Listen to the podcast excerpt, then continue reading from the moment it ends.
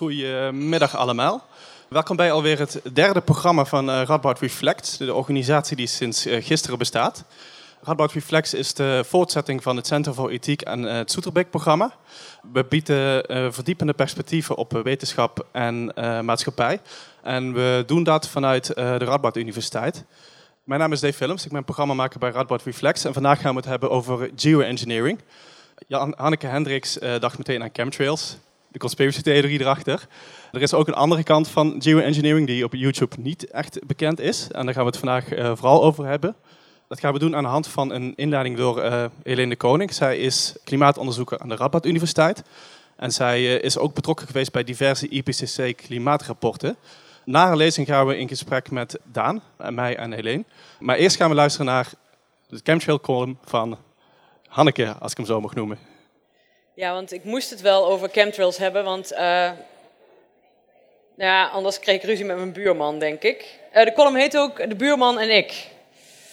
Ik zeg tegen mijn buurman, volgens mij is het allemaal veel erger. Hoezo, zegt mijn buurman. Ik zeg, volgens mij is er geen complot, volgens mij doet iedereen maar wat. Ook de machtigste mensen van de wereld, die weten ook niet waar ze mee bezig zijn. Jij denkt dat er een plan is, dat er hele belangrijke mannen zijn die plannen smeden, maar er is niemand aan de top. Iedereen doet maar wat, ook Obama. Mijn buurman roert in zijn koffie. We zitten in zijn schuurtje. Ik drink graag koffie bij de buurman in zijn schuurtje, ook al vindt de rest van de straat hem een beetje eng. Je kunt veel van de beste man zeggen, maar niet dat hij geen koffie kan zetten. Daarbij heeft hij altijd hele goede verhalen en dat kun je van de rest van de straat uh, niet zeggen. Nu ja, volgens mijn buurman kunnen er geen wifi-stralen door de wanden van het schuurtje.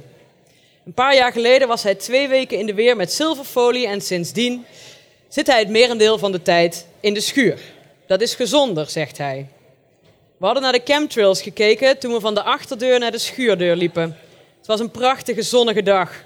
Ik vraag al lang niet meer of hij buiten wil zitten. Voor wie het niet weet, chemtrails zijn strepen die lijken op de strepen die worden achtergelaten door vliegtuigen. Zo legde hij ooit aan me uit. Maar de condensatiesporen van vliegtuigen heten contrails en zijn niet slecht voor de gezondheid. Chemtrails daarentegen zijn giftige stoffen die door de overheid stiekem in de lucht worden gespoten om invloed uit te oefenen op het milieu. Om te zorgen dat de aarde niet opwarmt. Daarom zag je, die, zag je vroeger die strepen dus heel weinig, zegt mijn buurman. Maar tegenwoordig lijkt het op een zonnige dag wel alsof de hemel een gehaakt kleedje is. Het loopt niet synchroon met het drukkere luchtverkeer. Als kind dacht ik dat de wolken door de fabrieken werden gemaakt en volgens mijn buurman heb ik daar helemaal niet zo ver naast gezeten. Maar het is toch juist goed, zeg ik, dat iemand iets doet aan de opwarming van de aarde? Ja, dat is hem nou juist, zegt mijn buurman, dat klopt dus niet. De aarde warmt niet op, het wordt juist kouder en daardoor gaan er oogsten mislukken en komen er grote hongersnoden. Dus ze koelen willens en wetens de aarde af, vraag ik. De buurman snuift. Hij gooit nog een klets koffie in mijn mok. Genocide, zegt hij. Dat is wat het is. De aarde moet terug naar 500 miljoen mensen en de rijken der aarde moeten dat gewoon kunnen kopen. Wat, zeg ik? Nou ja, dat we er allemaal aan gaan, zegt hij. Oh, zeg ik. Het, genocideverhaal is nieuw. Uh, de rest wist ik al. En de wifi-straling is ook een deel van het plan, vraag ik. Ja, ook, zegt hij. Sterilisatie van de vrouwen. Aha, zeg ik. Ik kijk in mijn mok. Tja, zegt hij, hij schraapt zijn keel. Maar gelukkig zitten we hier veilig en ik heb gewoon een internetkabel hierheen getrokken. Kun je toch Facebooken, zeg ik. Hij kijkt me lang aan. Grapje, zeg ik. Dat zijn geen grapjes, zegt hij. Nee, zeg ik, dat is ook zo. Sorry. We kijken naar de screensaver die mooie krullen op het scherm maakt. Op een gekke manier stemt het me allemaal gerust. Lekker in het schuurtje zitten waar ons niets kan gebeuren. Ook al geloof ik niet echt in complottheorieën, het is toch heel gezellig. Zal ik nog een bakje zetten? vraagt de buurman. Mijn moeder heeft cake gebakken. Zit daar niks gevaarlijks in dan, zeg ik, in die cake? Ach, zegt hij, een beetje living on the edge mag wel toch? Niet waar? Hij snijdt twee plakken af. We hebben maar goed, hè, zeg ik, terwijl we onze cake eten. Ja, zegt hij, we hebben het maar goed. We zwijgen. En ach, denk ik, na ons de zondvloed. Dankjewel.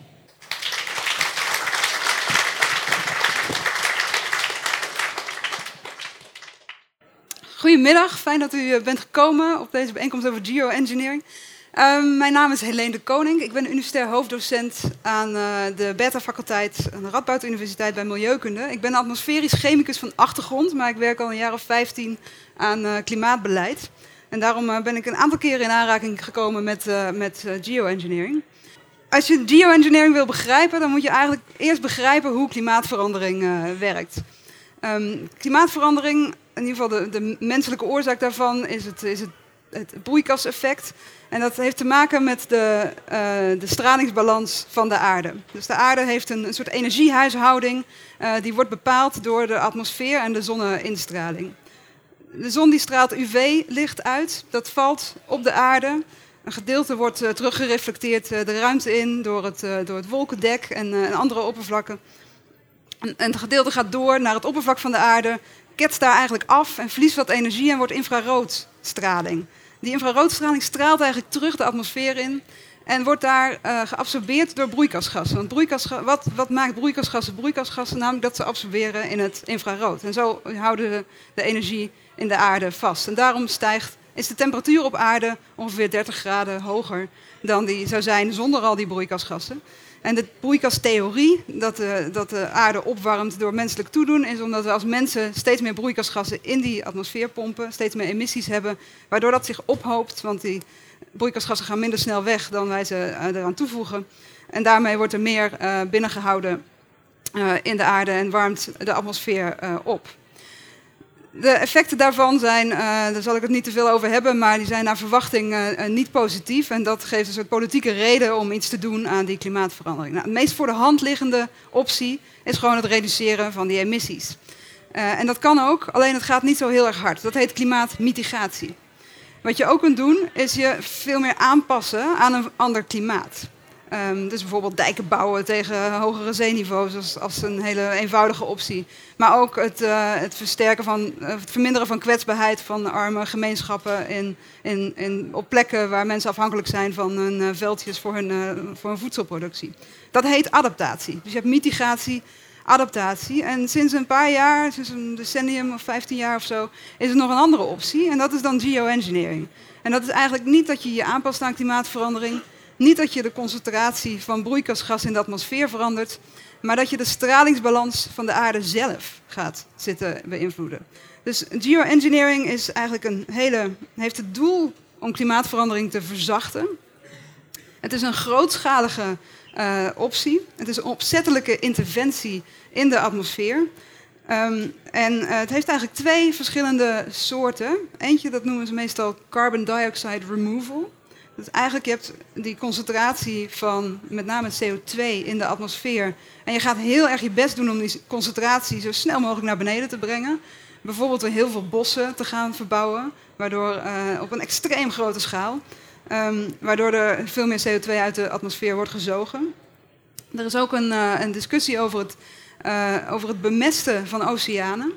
Uh, veel uh, algengroei in de oceanen is beperkt door de beschikbaarheid van ijzer in oceanen. Dus er zijn, uh, is er zelfs een experiment geweest waarin ijzer wordt uitgestrooid over een gebied in de oceaan, waardoor er meer algengroei ontstaat. Die algen die gaan dood, die sedimenteren, dat, gaat naar de, dat dwarrelt naar de bodem, is dan het idee. Um, en daardoor wordt er netto CO2 uit de atmosfeer gehaald. Um, je kunt ook denken aan kunstmatige rotsenvorming. Rotsen vormen de hele tijd, worden iedere keer een beetje groter omdat ze reageren met CO2 uit de atmosfeer. Dat is een heel erg langzaam proces. Maar dat proces zou je kunnen versnellen uh, met bepaalde soorten rotsen en door rotsen te gaan verkorrelen, waardoor er meer oppervlak is en die CO2 sneller wordt uh, opgenomen. Um, en je kunt een soort kunstmatige bomen gaan maken. Dus een soort installaties die je neerzet in de, in de woestijn waar langzamerhand wat, wat lucht doorheen gaat en waar de CO2 wordt opgenomen in een oplossing en uiteindelijk uh, moet je die CO2 dan ergens opslaan onder de grond. Dat zijn eigenlijk allemaal opties die CO2 uit de atmosfeer halen. Dat is eigenlijk ook nog steeds een beetje mitigatie, maar het wordt ook wel geschaard onder geoengineering, dus dat is een beetje een mixvorm. Maar waar ik het vooral over wil hebben is die geoengineering die echt te maken heeft met het veranderen van de stralingsbalans van de aarde. Dat noemen ze in het Engels solar radiation management. Want dat is eigenlijk het soort wat de meeste controverse oproept en ook de meeste onzekerheden heeft. Um, daar zijn vier opties um, die veel worden genoemd, ook door het IPCC. In het laatste rapport wordt dat besproken. Eén is bijvoorbeeld, uh, en het klinkt echt extreem uh, onwaarschijnlijk, maar het ophangen of eigenlijk inbrengen van spiegels, enorme spiegels in, uh, in de ruimte die het uh, zonlicht, op, uh, voordat het überhaupt dus het aardoppervlak of de atmosfeer kan bereiken, uh, terugreflecteren de ruimte in. Dus eigenlijk maak je een soort ja, kunstmatige wolken heel ver uh, hogerop.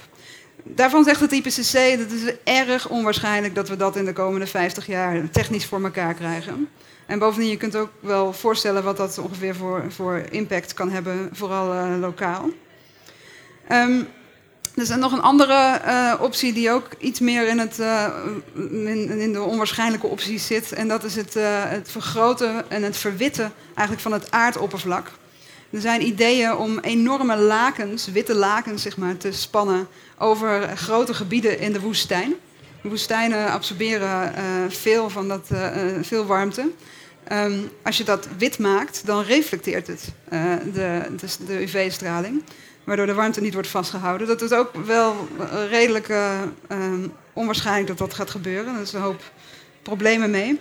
Um, een wat kleinere optie, maar dat zou je dan niet meer geoengineering noemen, is dat je bijvoorbeeld veel meer daken wit gaat maken.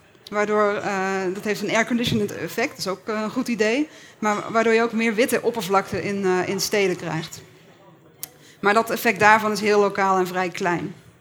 Dan zijn er eigenlijk twee grote solar radiation management opties die uh, de meeste aandacht krijgen. Eén is uh, stratosferische aerosolinjectie, stratosferische aerosolvorming.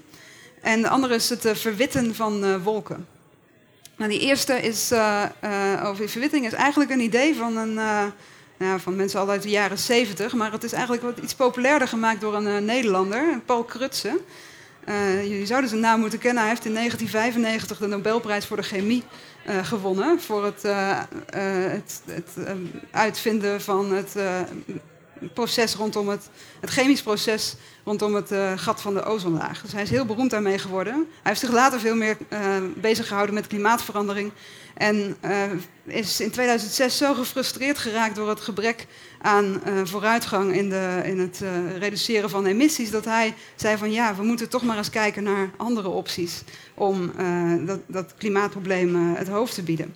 En hij als atmosferisch chemicus, je doet altijd dingen waar je verstand van hebt, zei van nou, wat we nu al zien is eigenlijk dat wereldwijd heel veel van de, of een, een deel van de temperatuurstijging waarschijnlijk wordt gedempt Doordat we als wereld zoveel SO2 uitstoten. SO2 is geen broeikasgas, maar het is wel een luchtvervuilende uh, component. SO2 vormt zich in de atmosfeer samen met andere stoffen uh, aerosolen. Dat zijn kleine vaste deeltjes uh, in de lucht. Die aerosolen die zijn weer de basis voor wolkenvorming. Water slaat daarop neer, vooral in hogere luchtlagen. En als je dus meer wolken hebt, dan krijg je meer weerkaatsing van CO2, uh, eh, van, van uh, dat UV, die UV-straling, waardoor je minder opwarming krijgt. Nou, hij zegt van ja, als wij die CO2 willen gaan reduceren om allerlei redenen, bijvoorbeeld zure regen, minder gezondheidseffecten, als we dat nou allemaal gaan compenseren uh, met, dat betekent dus dat de aarde meer gaat opwarmen. Maar als we nou in plaats van dat op het gewoon aardoppervlakniveau, die CO2 uit te stoten, dat in de stratosfeer, dus ongeveer op 15 kilometer hoogte gaan uitstoten, dan krijg je daar wel die aerosolvorming, dus de koeling van de aarde, maar niet de gezondheidseffecten uh, op, het, uh, op het aardoppervlakniveau. Nou, hartstikke mooi zou je zeggen, maar je bent natuurlijk wel aan het spelen met de stralingsbalans van de, van de aarde. Uh, hij zegt dat daarvan de kosten, en dat is een publicatie uit 2006, ongeveer 25 tot 30 miljard dollar zouden zijn in, in die tijd. Dat is natuurlijk een hele onzekere inschatting, maar daarmee voorkom je wel een heleboel klimaatverandering. Relatief goedkoop als je kijkt naar andere opties om, uh, om, uh, om klimaatverandering tegen te gaan. Nou, de tweede optie waar nog wel veel aandacht voor is, is, uh, is het witter maken van wolken. Wolken heb je sowieso, vooral boven de oceaan. want daar heb je verdamping van, van water. En wat sommige mensen zeggen is van nou, als je nou allemaal schepen maakt met enorme schoorstenen erop, die uh, uh, het zeewater nemen en dat eigenlijk verstuiven in, uh, ergens in de troposfeer waar de wolkenvorming is. Er zijn al wolken en daardoor worden die wolken eigenlijk witter. En als je wittere wolken hebt, heb je meer weerkaatsing van die UV-straling en daarmee een afkoeling van de aarde. De kosten zijn onbekend, maar waarschijnlijk niet al te hoog. Je hebt wel een paar honderd van die schepen nodig, misschien een paar duizend Um, maar uh, uh, het is allemaal niet extreem. Het zijn natuurlijk zeezout opsproeien. Dat is, nou ja, het is een, uh, geen hele gevaarlijke stof. Dat, in ieder geval ben je niet met chemicaliën aan het werken en zo. Dat is een voordeel ervan. Je moet het wel continu volhouden. Want als je ophoudt met verstuiven, dan is het effect dus ook heel snel weer weg. En, en dat geldt voor die SO2-injectie ook. De verblijftijd ervan in de atmosfeer is niet heel erg lang. Dus um, dat zijn uh, een beetje aan de technische, fysische kant uh, een paar van de opties die worden besproken. Dus vooral die stratosferische SO2-injectie en de, en de wolkenverwitting zijn, worden bediscussieerd. Er is natuurlijk een enorm, enorme hoop over te zeggen of je dat wel en niet moet doen. Het is in zekere zin wetenschappelijk erg onzeker of het überhaupt werkt. De, zelfs de experimenten daarvoor zijn controversieel. Er zijn een hoop mensen die zeggen, wat net ook in het filmpje uh, uh, gezegd, uh, van zelfs het doen van experimenten zorgt ervoor dat de, de, politici die moeten gaan beslissen over het reduceren van emissies ineens een andere optie hebben, een andere terugvaloptie, en daarmee misschien minder geneigd zijn om emissies te reduceren. Het is ook allemaal technologisch bijzonder onzeker. We weten van alle nieuwe technologieën dat het meestal decennia kost voordat ze uitge, echt uitgeprobeerd en helemaal volwassen zijn. En dat zal voor deze technologieën niet heel erg anders zijn. Meestal is de inschatting van technologie altijd in het begin dat ze heel erg goedkoop zijn. Dan ga je experimenteren. Dan worden ze ineens gruwelijk duur. En daarna dalen de kosten wel weer als je het op grote schaal toepast. Dat zal hier ook weer niet anders zijn. Politiek is het enorm complex, want ineens kun je als één land het klimaat van de hele wereld gaan beïnvloeden als je enige uh, invloed hebt. En ja, milieukundig, vooral die SO2-injectie, is, het, uh, is het bijzonder controversieel en zijn de risico's eigenlijk niet goed, uh, niet goed bekend. Voorstanders van geoengineering, of nou, echt, echte bekende voorstanders bestaan volgens mij helemaal niet, maar, maar mensen die zeggen van nou misschien moeten we er toch over nadenken, die framen het vaak als, als een soort last resort en als tijd kopen. Uh, als een soort plan B als al het andere uh, misgaat. Een technologie die je op de plank hebt liggen en vervolgens kan gaan implementeren. Um, maar andere mensen zeggen het is een, vooral een gevaarlijke afleiding. En, uh, en, en dit heeft niks te maken met verantwoordelijkheid nemen voor het klimaatprobleem wat we veroorzaken. Dank u wel voor uw aandacht. Dank je voor je interessante verhaal. Wat ik je eerst zou willen vragen, van, hoe moeten we aankijken deze, deze manier van ingrijpen in, uh, in de natuur door de mens? Kunnen, we dit natuurlijk noemen? Of is dit, kunnen, we, kunnen we dit maken? Laat ik het zo even stellen. Ja, nou ja, dat is, ik denk dat dat uh, voor iedereen een persoonlijk antwoord is. Maar eh, er is wel één perspectief wat ik erbij wil geven. We zijn met klimaatverandering ook bezig met een soort onopzettelijke geoengineering. Geoengineering is echt een, een, menselijke interventie waar je, waar je bewuste stralingsbalans aan het beïnvloeden bent, maar door beetje bij beetje al die CO2 en andere broeikasgassen in de lucht te brengen, zijn we ook bezig met een groot experiment, maar op een veel onbewustere manier. Dat is ook niet helemaal natuurlijk, dus je kunt je afvragen, ja. Het is, het is eigenlijk al niet natuurlijk en het verschil zit in het bewust en het onbewust doen van ja, aanpassingen. Ja, ja, ja, misschien wel. Heb jij daar iets aan toe te voegen? Nou, voorstanders zeggen natuurlijk, um, op natuurlijke wijze gebeurt het al. Grote hoeveelheden zwavel in um, de stratosfeer brengen. Bijvoorbeeld door uitbarsting van, uh, van vulkanen. Uh, en het be bekendste voorbeeld daarvan is uh, de uitbarsting van, van de Pinatubo-woestijn op de Filipijnen. Um, die ongeveer na 18 maanden nadat die uitgebarsten was, tot zo'n halve graad mondiale of, uh, mondiale temperatuursverlaging uh, geleid heeft. Dus in die zin kun je zeggen, ja, welk zwaveldeeltje is dan precies natuurlijk en welke is uh, door de mens erin gebracht? Um, is moeilijk te zeggen. Wat, wat wel gezegd wordt, het klimaatsysteem is weer eens, en klimaat is überhaupt lastig te voorspellen. En deze technieken, daar zijn de gevolgen ook niet, nog niet van te overzien.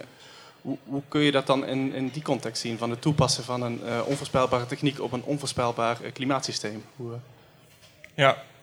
Nou, wat, wat, wat, wat, daar wel aardig in is, en als je de samenvatting van uh, het laatste IPCC-rapport erbij pakt, waar het genoemd wordt in de, in de Summary for Policymakers, suggereert natuurlijk wel dat er iets van wetenschappelijke, of een weg naar wetenschappelijke consensus zou zijn. Um, en dat is maar zeer de vraag of dat zo is. Dus uh, je kunt een. Um, er is een interessante studie die je kunt opzoeken die, die zich afvraagt dat zijn modelstudies, hè, dus uh, in klimaatmodellen wordt dan gesimuleerd wat er gebeurt als er grote hoeveelheden uh, zwavelstof uh, in de stratosfeer komen. En die, uit die studie blijkt, bijvoorbeeld als je op, de, op het zuidelijk halfrond een hoeveelheid zwavelstof inbrengt wat ongeveer tot wat de helft van de opwarming zou compenseren. Ehm, wordt het in de Sahel natter en in Noordoost-Afrika wordt het droger. Dat model wijst ook uit als je diezelfde hoeveelheid zwavelstof in de noordelijke, uh, uh, op het noordelijke halfrond zou inbrengen, uh, is het effect precies tegengesteld. Wordt het in de Sahel droger en in Noordoost-Afrika wordt het natter. Met andere woorden, dat weten we eigenlijk niet precies. En of je dat met modellen ook precies kunt aantonen, ja, dat is maar zeer de vraag. Dus het heeft dan ook politieke gevolgen waar we denk zo even op komen. Wat, wat ik nog, want je had het over Noord-Afrika. Wat ik aan jou wilde vragen, Helene kan het ook een positief effect hebben op bijvoorbeeld um, de, de, droogte in Noord-Afrika, de, de, landbouw, dat we die daar op een positieve manier zouden kunnen beïnvloeden en daarmee misschien migratiestromen zouden kunnen, ja, niet ik wil niet zeggen tegengaan, maar dat we daar een positieve wending aan zouden kunnen geven. Ja, als het, de hele geoengineering wordt niet gedaan door mensen die het klimaat willen verwoesten. Het wordt gedaan door mensen die iets aan die negatieve gevolgen van klimaatverandering willen doen. Dus de hele opzet is dat er positieve gevolgen zijn. Uh, het is niet een uh, conspiracy theory dat, het, dat de aarde naar de kloppen moet. Dus uh, als, de, als degenen die, dit, die de inschattingen maken gelijk hebben, dan, en het wordt allemaal goedgekeurd door regeringen en zo, nou ja, dan zal er wel een positieve invloed zijn voor iemand. De vraag is of degene die het ook doet, uh, die krijgt daar waarschijnlijk een positieve invloed uh, vandaan, of positieve effecten. Maar de vraag is wat het voor effecten heeft op andere delen in de wereld. Zeker als je het echt heel grootschalig gaat doen en langdurig. Dan, ja, en dat, is, dat, dat weet ik niet. Dat hangt af van de interventie en ook zoals Daan zei, vanaf waar je het doet en, en hoe. Maar dat is ook hoogst onzeker. Zit er dan ook het risico in om dit voor commercieel belang te gaan uh, toepassen. Door bijvoorbeeld het regionaal beïnvloeden van je, van je uh, droge grond, zodat je landbouwproductie beter wordt, maar dat mogelijk negatieve gevolgen heeft voor andere landen. Dat het, een, een... Ik, eh, het businessmodel van zo'n technologie lijkt me nog ingewikkeld eigenlijk. Maar uh, de economische opzet lijkt me er wel degelijk achter zitten. Het hele klimaatprobleem is, is een economisch probleem, of kan uitgelegd worden als een economisch probleem. En mitigatie net zo goed. Dat is voor geoengineering niet anders. Ja. Um, en jij bent redelijk veel bezig geweest met de politieke gevolgen van. Uh, je hebt er een stuk over geschreven. Mm -hmm. Kun je daar iets over vertellen? Wat, wat, wat dit politiek voor uh, consequenties heeft, uh, deze techniek? Ja, dat, dat kan wel. Geoengineering roept allerlei ehm, rechtvaardigheidsvraagstukken op die Helene al, al, eerder, al eerder inleidde. Um, is de eerste, is, hè, als je hier het gebouw binnenkomt, staat er we, zijn we, we, proberen een verbetering aan het eh, klimaatsysteem in eh, de collegezaaltjes te maken. Dus dan kun je zeggen, van, wat is een soort optimale temperatuur die we hier in de collegezaal kunnen hebben om zo goed mogelijk studenten hun tentamen te laten halen en het rendement van de universiteit omhoog te krijgen. Zo simpel werkt het natuurlijk niet binnen een land. Hè? als je kijkt naar economische studies die kosten-batenanalyses doen voor wat is nou eigenlijk een optimale temperatuur in een land, uh, dan hangt het nogal af of je in uh, toerisme werkt of, uh, of in de landbouw. En de, de ene temperatuur, daar doen sommige economische activiteiten het wel goed bij en andere niet.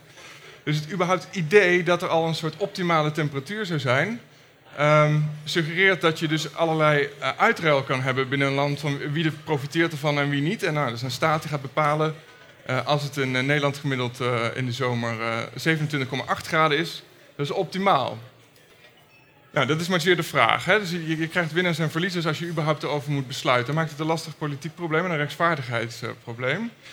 Wat je ook over de landsgrenzen heen hebt. Hè? Dus dat, dat voorbeeld van uh, die verschillen in uh, neerslagpatronen, de verschillen in hydrologische uh, kringlopen die effecten gaan hebben in de Sahel versus Noordoost-Afrika, maakt dus uit dat sommige landen daar misschien meer van profiteren dan andere landen van een bepaald Ehm, klimaat.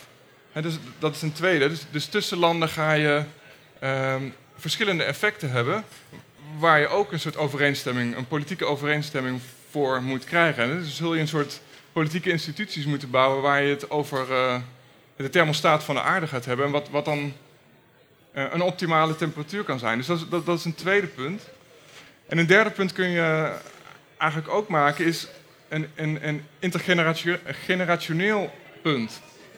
Wat Helene net aangaf, wolkenbleken of uh, stratosferische uh, zwavelinjectie, uh, blijft maar tijdelijk in de atmosfeer. Dus je zou toekomstige generaties dus ook opzadelen met een taak om voortdurend dat maar te blijven doen. En als dat in de plaats, plaats komt van, van, van mitigatiemaatregelen, kosten die je nu moet nemen, schuif je voor een deel ook een rekening van klimaatverandering door naar volgende generaties, waar je dus ook je vraagtekens bij kunt stellen. Want, we krijgen dan ook te maken met aansprakelijkheid. Niet, dus stel je voor bij een besluit hier in West-Europa om het klimaat te gaan beïnvloeden door middel van geoengineering technieken. Dat ontstaat bijvoorbeeld meer droogte in bepaalde andere regio's, laten we even zeggen Afrika in, in hoeverre kun je die aansprakelijkheid ook dan terug uh, verwijzen aan degene die de geoengineering toepassen? Ja, dat, dat is denk ik een heel interessant punt. Helene, er zijn natuurlijk al een soort vroege fase van een soort loss and damage regelingen in, uh, in de klimaatonderhandelingen. Ja, dat geeft wel aan in de klimaatonderhandelingen speelt nu een vergelijkbare discussie over... Uh, kun je eigenlijk de grote emitters van CO2 en andere broeikasgassen aansprakelijk stellen... voor de schade die wordt opgelopen. En dat is ongelooflijk ingewikkeld, want je hebt te maken met attributie. Dus je moet eigenlijk zeggen, nou deze hurricane is dan wel klimaatvol... en uh, dat komt wel door mensen en de andere niet. En uh, daar maakt de wetenschap wel stappen op. Dat lijkt steeds beter te gaan. En voor sommige, bijvoorbeeld zijn mensen die... Was toevallig afgelopen week in Nature uh, stond een stuk over hoe de droogte in Californië uh, wel toe te rekenen was aan menselijke invloed op het klimaat. Maar of hoe je daar vervolgens dan ook aansprakelijkheid... ik ben geen jurist, dat, dat weet ik niet precies hoe dat dan werkt. Maar het is wetenschappelijk al heel erg ingewikkeld om het, om het te doen. Er worden wel stappen op gemaakt. Die discussies in de UNFCCC over het loss and damage mechanisme... wat dat in feite op, op, het initiatief van de ontwikkelingslanden... van de kwetsbare ontwikkelingslanden um, op de agenda hebben gezet. Die, die discussies lopen uh, helemaal niet goed. Die, uh, het is heel moeilijk om daar overeenstemming over te krijgen. Om, voor de hand liggende redenen. Zijn er wel al uh, afspraken met betrekking tot solar radiation management, CO2-opslag misschien min minder, maar vooral met solar radiation man management, zijn er al afspraken die erover gemaakt worden? Of zijn er bepaalde codes die um, spelen bij het toepassen van geoengineering? Niet in de UNFCCC, maar jij weet misschien... Uh... Nee, er zijn wel um, um, een soort wetenschappelijke gedragscodes. Uh, in, in, in Engeland hebben ze zoiets als de Oxford Principles. Um, en in Nederland heeft uh, het Rathenau Instituut ook wel een, een, voorstel gedaan. Bijvoorbeeld het Rathenau Instituut stelde voor wel onderzoek via modellen uh, en theorie, maar niet via experimenten naar, met name naar, naar, naar die stratosferische solar-injectie. Um, dus dat soort dingen zijn er wel. Maar ik ben niet van op de hoogte van, van echte afspraken. En, en, en, mochten we die afspraken dan willen gaan maken, denk je, denk je dat er ooit internationaal overeenstemming over zoiets bereikt kan worden? Want jij bent dan betrokken geweest bij het IPCC-rapport en, en bij klimaatverandering is het al lastig om afspraken te maken. Denk je dat dat voor geoengineering hetzelfde voor geldt?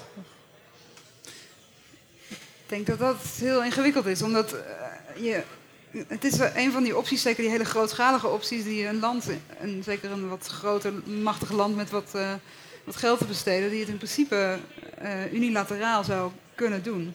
En dat land zelf heeft er dan niet noodzakelijkwijs belang bij dat dat ook internationaal geregeld wordt. Dus dan moet er eerst meestal hoe dat werkt is dat dan eerst iets moet gebeuren en iets mis moet gaan. En dan gaat de internationale gemeenschap daar iets, iets van zeggen. En dan pas krijg je daar discussies over. Om dat echt preventief te doen, dat is, uh, volgens mij is dat nog niet gebeurd in de geschiedenis van de aarde. Maar ja, wie weet. De enige analogie die we hebben zijn natuurlijk de internationale afspraken om CO2 te reduceren. En, en daarvan moeten we tot nu toe concluderen dat het nog niet enorm veel voortgang heeft opgeleverd. En of dat het dus het raamwerk is waar we over geoengineering in moeten gaan besluiten, um, is dat, uh, vraag ik me dat zeer af. Plus ik denk, het vraagstuk als je... Stel je eens voor dat, dat, dat een land wel experimenteert met geoengineering en er, er is daarna een droogte, zeg op de Filipijnen of, of in, in het westen van, van de Verenigde Staten. ehm, gaat dat ook niet die onderhandelingen en die gesprekken ook ontregelen? Uh, doordat landen gaan zeggen, ja, maar ook al kun je het wetenschappelijk niet aantonen dat dat door geoengineering komt, uh, we willen daar eerst een oplossing voor hebben voordat we überhaupt verder gaan praten en een, um, in internationale afspraken op het terrein van, van klimaat komen. Um, dit is wel onlangs ehm, een, een, uitspraak geweest, een gerechtelijke uitspraak geweest van Urgenda tegen de Nederlandse overheid. Dat zij, ik meen dat het met de CO2-uitstoot gemaakt had, dat, zij daar, dat, het, dat het wel degelijk bindend was. Is dat dan niet wel een positieve ontwikkeling in, zo, in die richting? Hoe bedoel je dat precies? nou, dat, er, dat, er wel, um, dat het wel moeilijk te, te controleren en een afspraak te maken zijn, maar dat er wel al nu een gerechtelijke uitspraak is geweest met betrekking tot klimaatverandering. Nou ja, kijk, wat het zo lastig maakt van het hele fenomeen en ook, ook denken in, in, in termen van mondiale temperatuursverandering, hè, waar, waar, de Nederlandse staat dan volgens die uitspraak waar nu hoger beroep tegen aangetekend is, zou betekenen is dat Nederland moet meer doen om, uh, om die doelstelling van 2 graden te halen. Um, maar ja, wat, wat, is die doelstelling van 2 graden eigenlijk? Hè? Die, die, de, de regionale effecten zijn veel verschillender van uh, van mondiale klimaatverandering. Zou dat dan ook kunnen betekenen dat de uitkomst van zo'n zo uitspraak uh, uh, kan zijn? En Nederland moet meer doen om te voldoen aan die 2 graden doelstelling. misschien wel via solar radiation management. Hè? De, dat, dat is denk ik niet de manier hoe je het publieke debat daarover zou moeten voeren, of het politieke debat daarover moeten voeren. Ik denk dat je veel meer moet, moet nadenken over um, Stel je zou die kant op willen van geoengineering, hoe zou je, dat, hoe zou je erover na kunnen geven uh, om experimenten, of in ieder geval de, de, kennisontwikkeling daaromheen, om dat vorm te gaan geven? Of, vraagstuk, moet je dat überhaupt helemaal niet doen? Hè, ehm, moeten we een moratorium op, op dit soort technieken hebben, dat we er gewoon überhaupt niet meer over na moeten denken? Dus dat debat moeten we nog veel meer voeren, of beginnen we nu pas misschien net te voeren. Um, dat is denk ik toch eerder de, weg dan, dan via, het, via het recht proberen uit te vechten.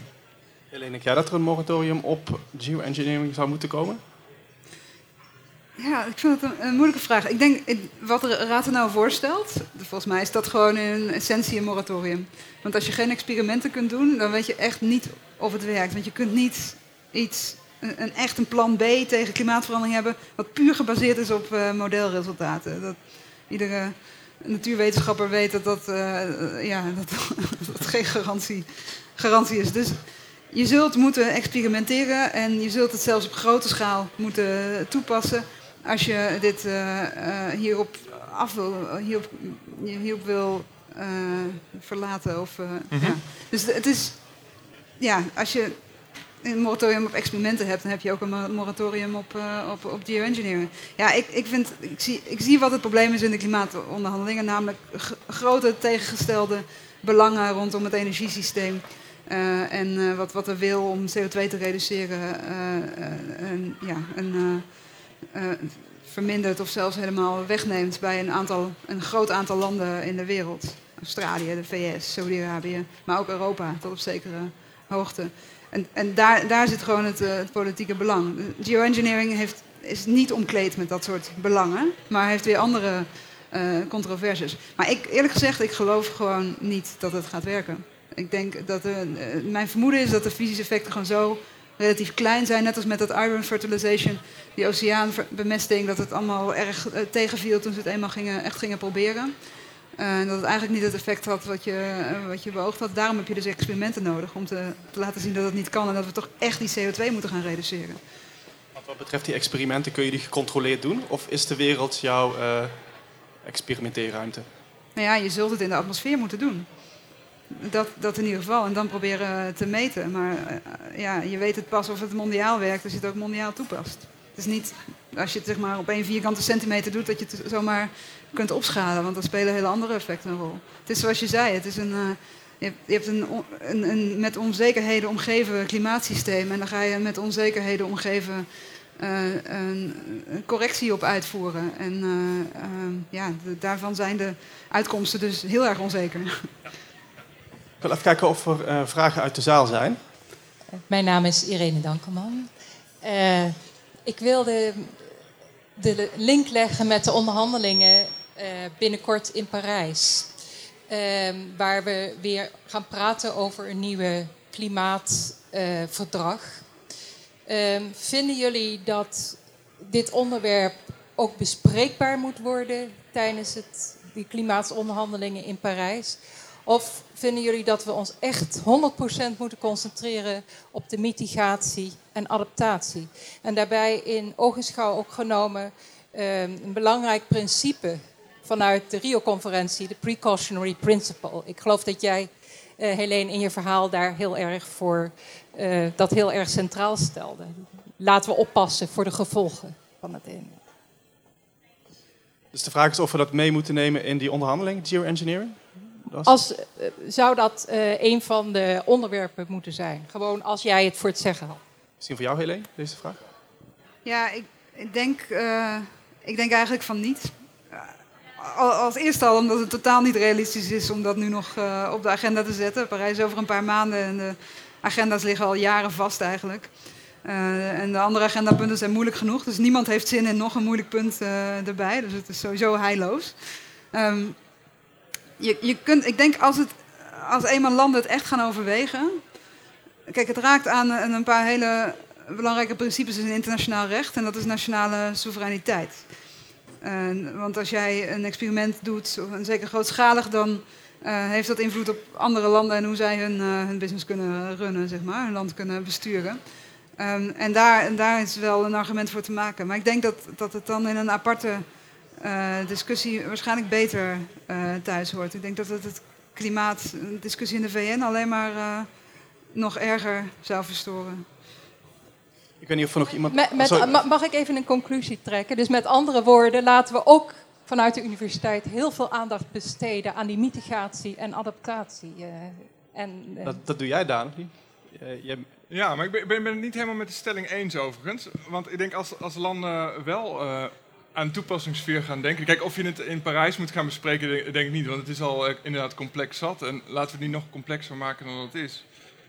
Um, maar ja, het is er, geoengineering, of in ieder geval het, het debat is er. En, en, om te zeggen van, nou, moeten we niet voeren, uh, dan kom je op een gegeven moment op het moment dat landen dat misschien wel gaan doen. Uh, en dan heb je dat debat nog niet gevoerd. Hè? Dat, dat, dus je, je, moet het wel ergens een keer gaan doen. Dus je, je moet op een gegeven moment wel langzaam maar zeker de voor's en de tegens en uh, de verschillende standpunten daarvan kunnen bepalen. Uh, dus ik denk dat je wel ergens een keer dat debat moet beginnen. Hè? Dat het idee van een moratorium of zo van uh, seks moeten we het niet over hebben. We gaan er geen seksuele voorlichting doen. Ja, het is er. laten we het er wel over hebben. Laten we wel ergens een debat voeren. Ja, met het risico dat, dat je daarmee het weer het salonveeg maakt in feite. Dat, dat hebben we bij eerdere opties gezien. Ik heb veel gewerkt aan CO2-afvang en opslag. Ja. Uh, tien jaar geleden was dat nog geoengineering. Tegenwoordig staat het gewoon netjes in de mitigatieopties uh, categorie en is het, uh, is, het, is het een onderdeel van het rijtje geworden. Dus in die zin kun je ook ja. zeggen van nou, dat is ook een glijdende schaal. Zo ga je het meer ja, gaat discussiëren, raken mensen eraan gewend en wordt het onderdeel van, de, van het portfolio van opties dat je hebt. En, en, uh, en ben je ook eerder geneigd om daarmee de voorzichtigheid te laten varen. Ja. Nog iemand een vraag? Daar achterin, man. Oh ja, mijn naam is Reinier de Nooy. Ik heb ook een, uh, ja, ja, misschien meer een soort stelling. Ik, eigenlijk vind ik dat het gewoon zo snel mogelijk uitgeprobeerd moet worden. Dan weet je of het werkt of niet werkt. Want nu zit je in de situatie dat iedereen... Uh, de, de, de CO2-uitstootverlaging op de lange baan heeft. Uh, en, en, met ook het idee, ja, we, hebben altijd die geoengineering nog. Dus nu is die geoengineering een soort van, uh, soort van excuus om, om, om maar niet aan, aan CO2-emissieverlaging eh, te hoeven werken. Dus je kunt het misschien maar best gewoon zo snel mogelijk uitproberen en vaststellen dat het wel of niet werkt. Want we hebben gewoon haast. Dus ik, heb, ik, heb, ik heb het idee dat die geoengineering nu, nu zeg maar zorgt voor, voor extra vertraging. Dat het een, dus ik, ja, nou goed, ik graag een reactie. Het is, het is een, beetje, beetje, een beetje prikkelend geformuleerd allemaal, maar uh, wat vinden jullie? Ja, ik vind het een goed punt, maar ik denk niet dat, het echt, dat, het, dat de klimaatonderhandelingen worden opgehouden door de al dan niet beschikbaarheid van geoengineering. Daar spelen echt hele andere dingen een rol. En uh, het is echt niemand in de UNFCCC die zegt... we hoeven niks te doen, want we hebben geoengineering. Ze zeggen echt, Saudi-Arabië zegt echt van ja, als je ons en de rest van de wereld CO2-reductiedoelstellingen uh, oplegt, dan ruïneer je onze economie. Dan ruïneer je ons land volkomen. En daar hebben ze gelijk in. Dat klopt.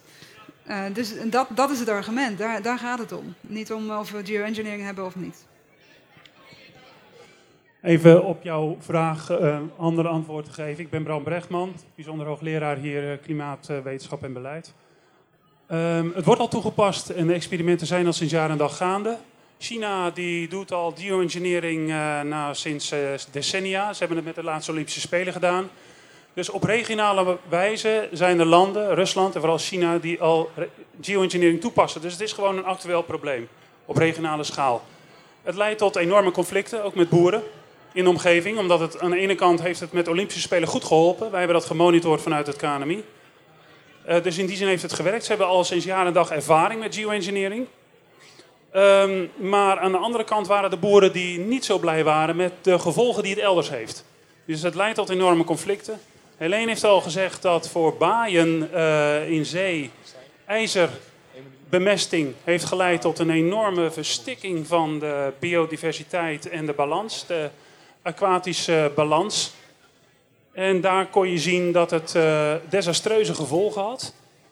Dus ik denk dat we voldoende bewijs hebben eigenlijk dat geoengineering niet werkt. Volgens mij wil uh, Daan er al even op reageren. Ik zou er wat aan, aan toe, toe, willen voegen. Um, dus als je überhaupt dat soort experimenten uh, wil gaan doen, moeten we van tevoren ook nadenken over hoe gaan we een soort sturingssysteem maken waar we aansprakelijkheid gaan uh, regelen van dit soort experimenten. En zijn er dan nog steeds partijen die het, die het, die het kunnen of willen doen? Als er onvoorziene effecten zijn en, en, en um, de verdeling van, van negatieve effecten, kun je daar van tevoren eventueel afspraken over maken over hoe je dat zou compenseren. He, dus gewoon maar experimenten doen en het, daarna doen we het beleid wel. Lijkt mij de verkeerde volgorde. We moeten denk eerst nadenken over, over een aansprakelijkheidssysteem en dan pas of je überhaupt techniek kunt gaan toepassen. Duidelijk. Um, ik zou jullie tot slot nog uh, één vraag willen stellen. Um, gaan we geoengineering nodig hebben in de toekomst? Graag van jullie beiden een reactie daarop. Uh, nee, ik denk het niet, maar vooral niet omdat het niet werkt. Omdat ik denk dat het gewoon niet vol te houden is. Uh, en dat, dat we dan misschien maar beter kunnen dealen met, met de consequenties van klimaatverandering. Dat, ja. Ja, ik denk dat ook. Uh, dat is onze aandacht volgens mij beter op, uh, ook op dingen als adaptatie kunnen richten. Uh, en deels moeten accepteren dat, dat het klimaat variabel is en verschillend is in verschillende plekken. Dus een hele discussie over hoe we een mondiale temperatuur moeten gaan sturen, lijkt mij geen heilzame weg. Duidelijk. Daan en Helene, bedankt voor jullie uh, medewerking in het programma. Ik zou tot nog even willen melden, dit programma is onderdeel van de kick-off weken van uh, Radboud Reflect. Ik zie uh, mijn collega's zijn dat we gratis notitieboekjes hebben die jullie na het programma kunnen ophalen. Maar voordat jullie dat gaan doen, wil ik graag nog even melden dat wij eh, de komende twee weken een uh, vol programma hebben. We hebben bijvoorbeeld morgen de uh, Vlaamse psychiater en filosoof Damian Denis, die afgelopen zondag, meen ik, bij Zomergast te zien was. Die zal een lezing bij ons geven. Volgende week hebben we een lezing van filosoof Stine. En wat betreft deze programma's hebben we nog een aantal programma's, maar die kunt u even voor op de site kijken. Um, www.ru.nl slash Reflects of afkorting RR. Dank voor uw aandacht.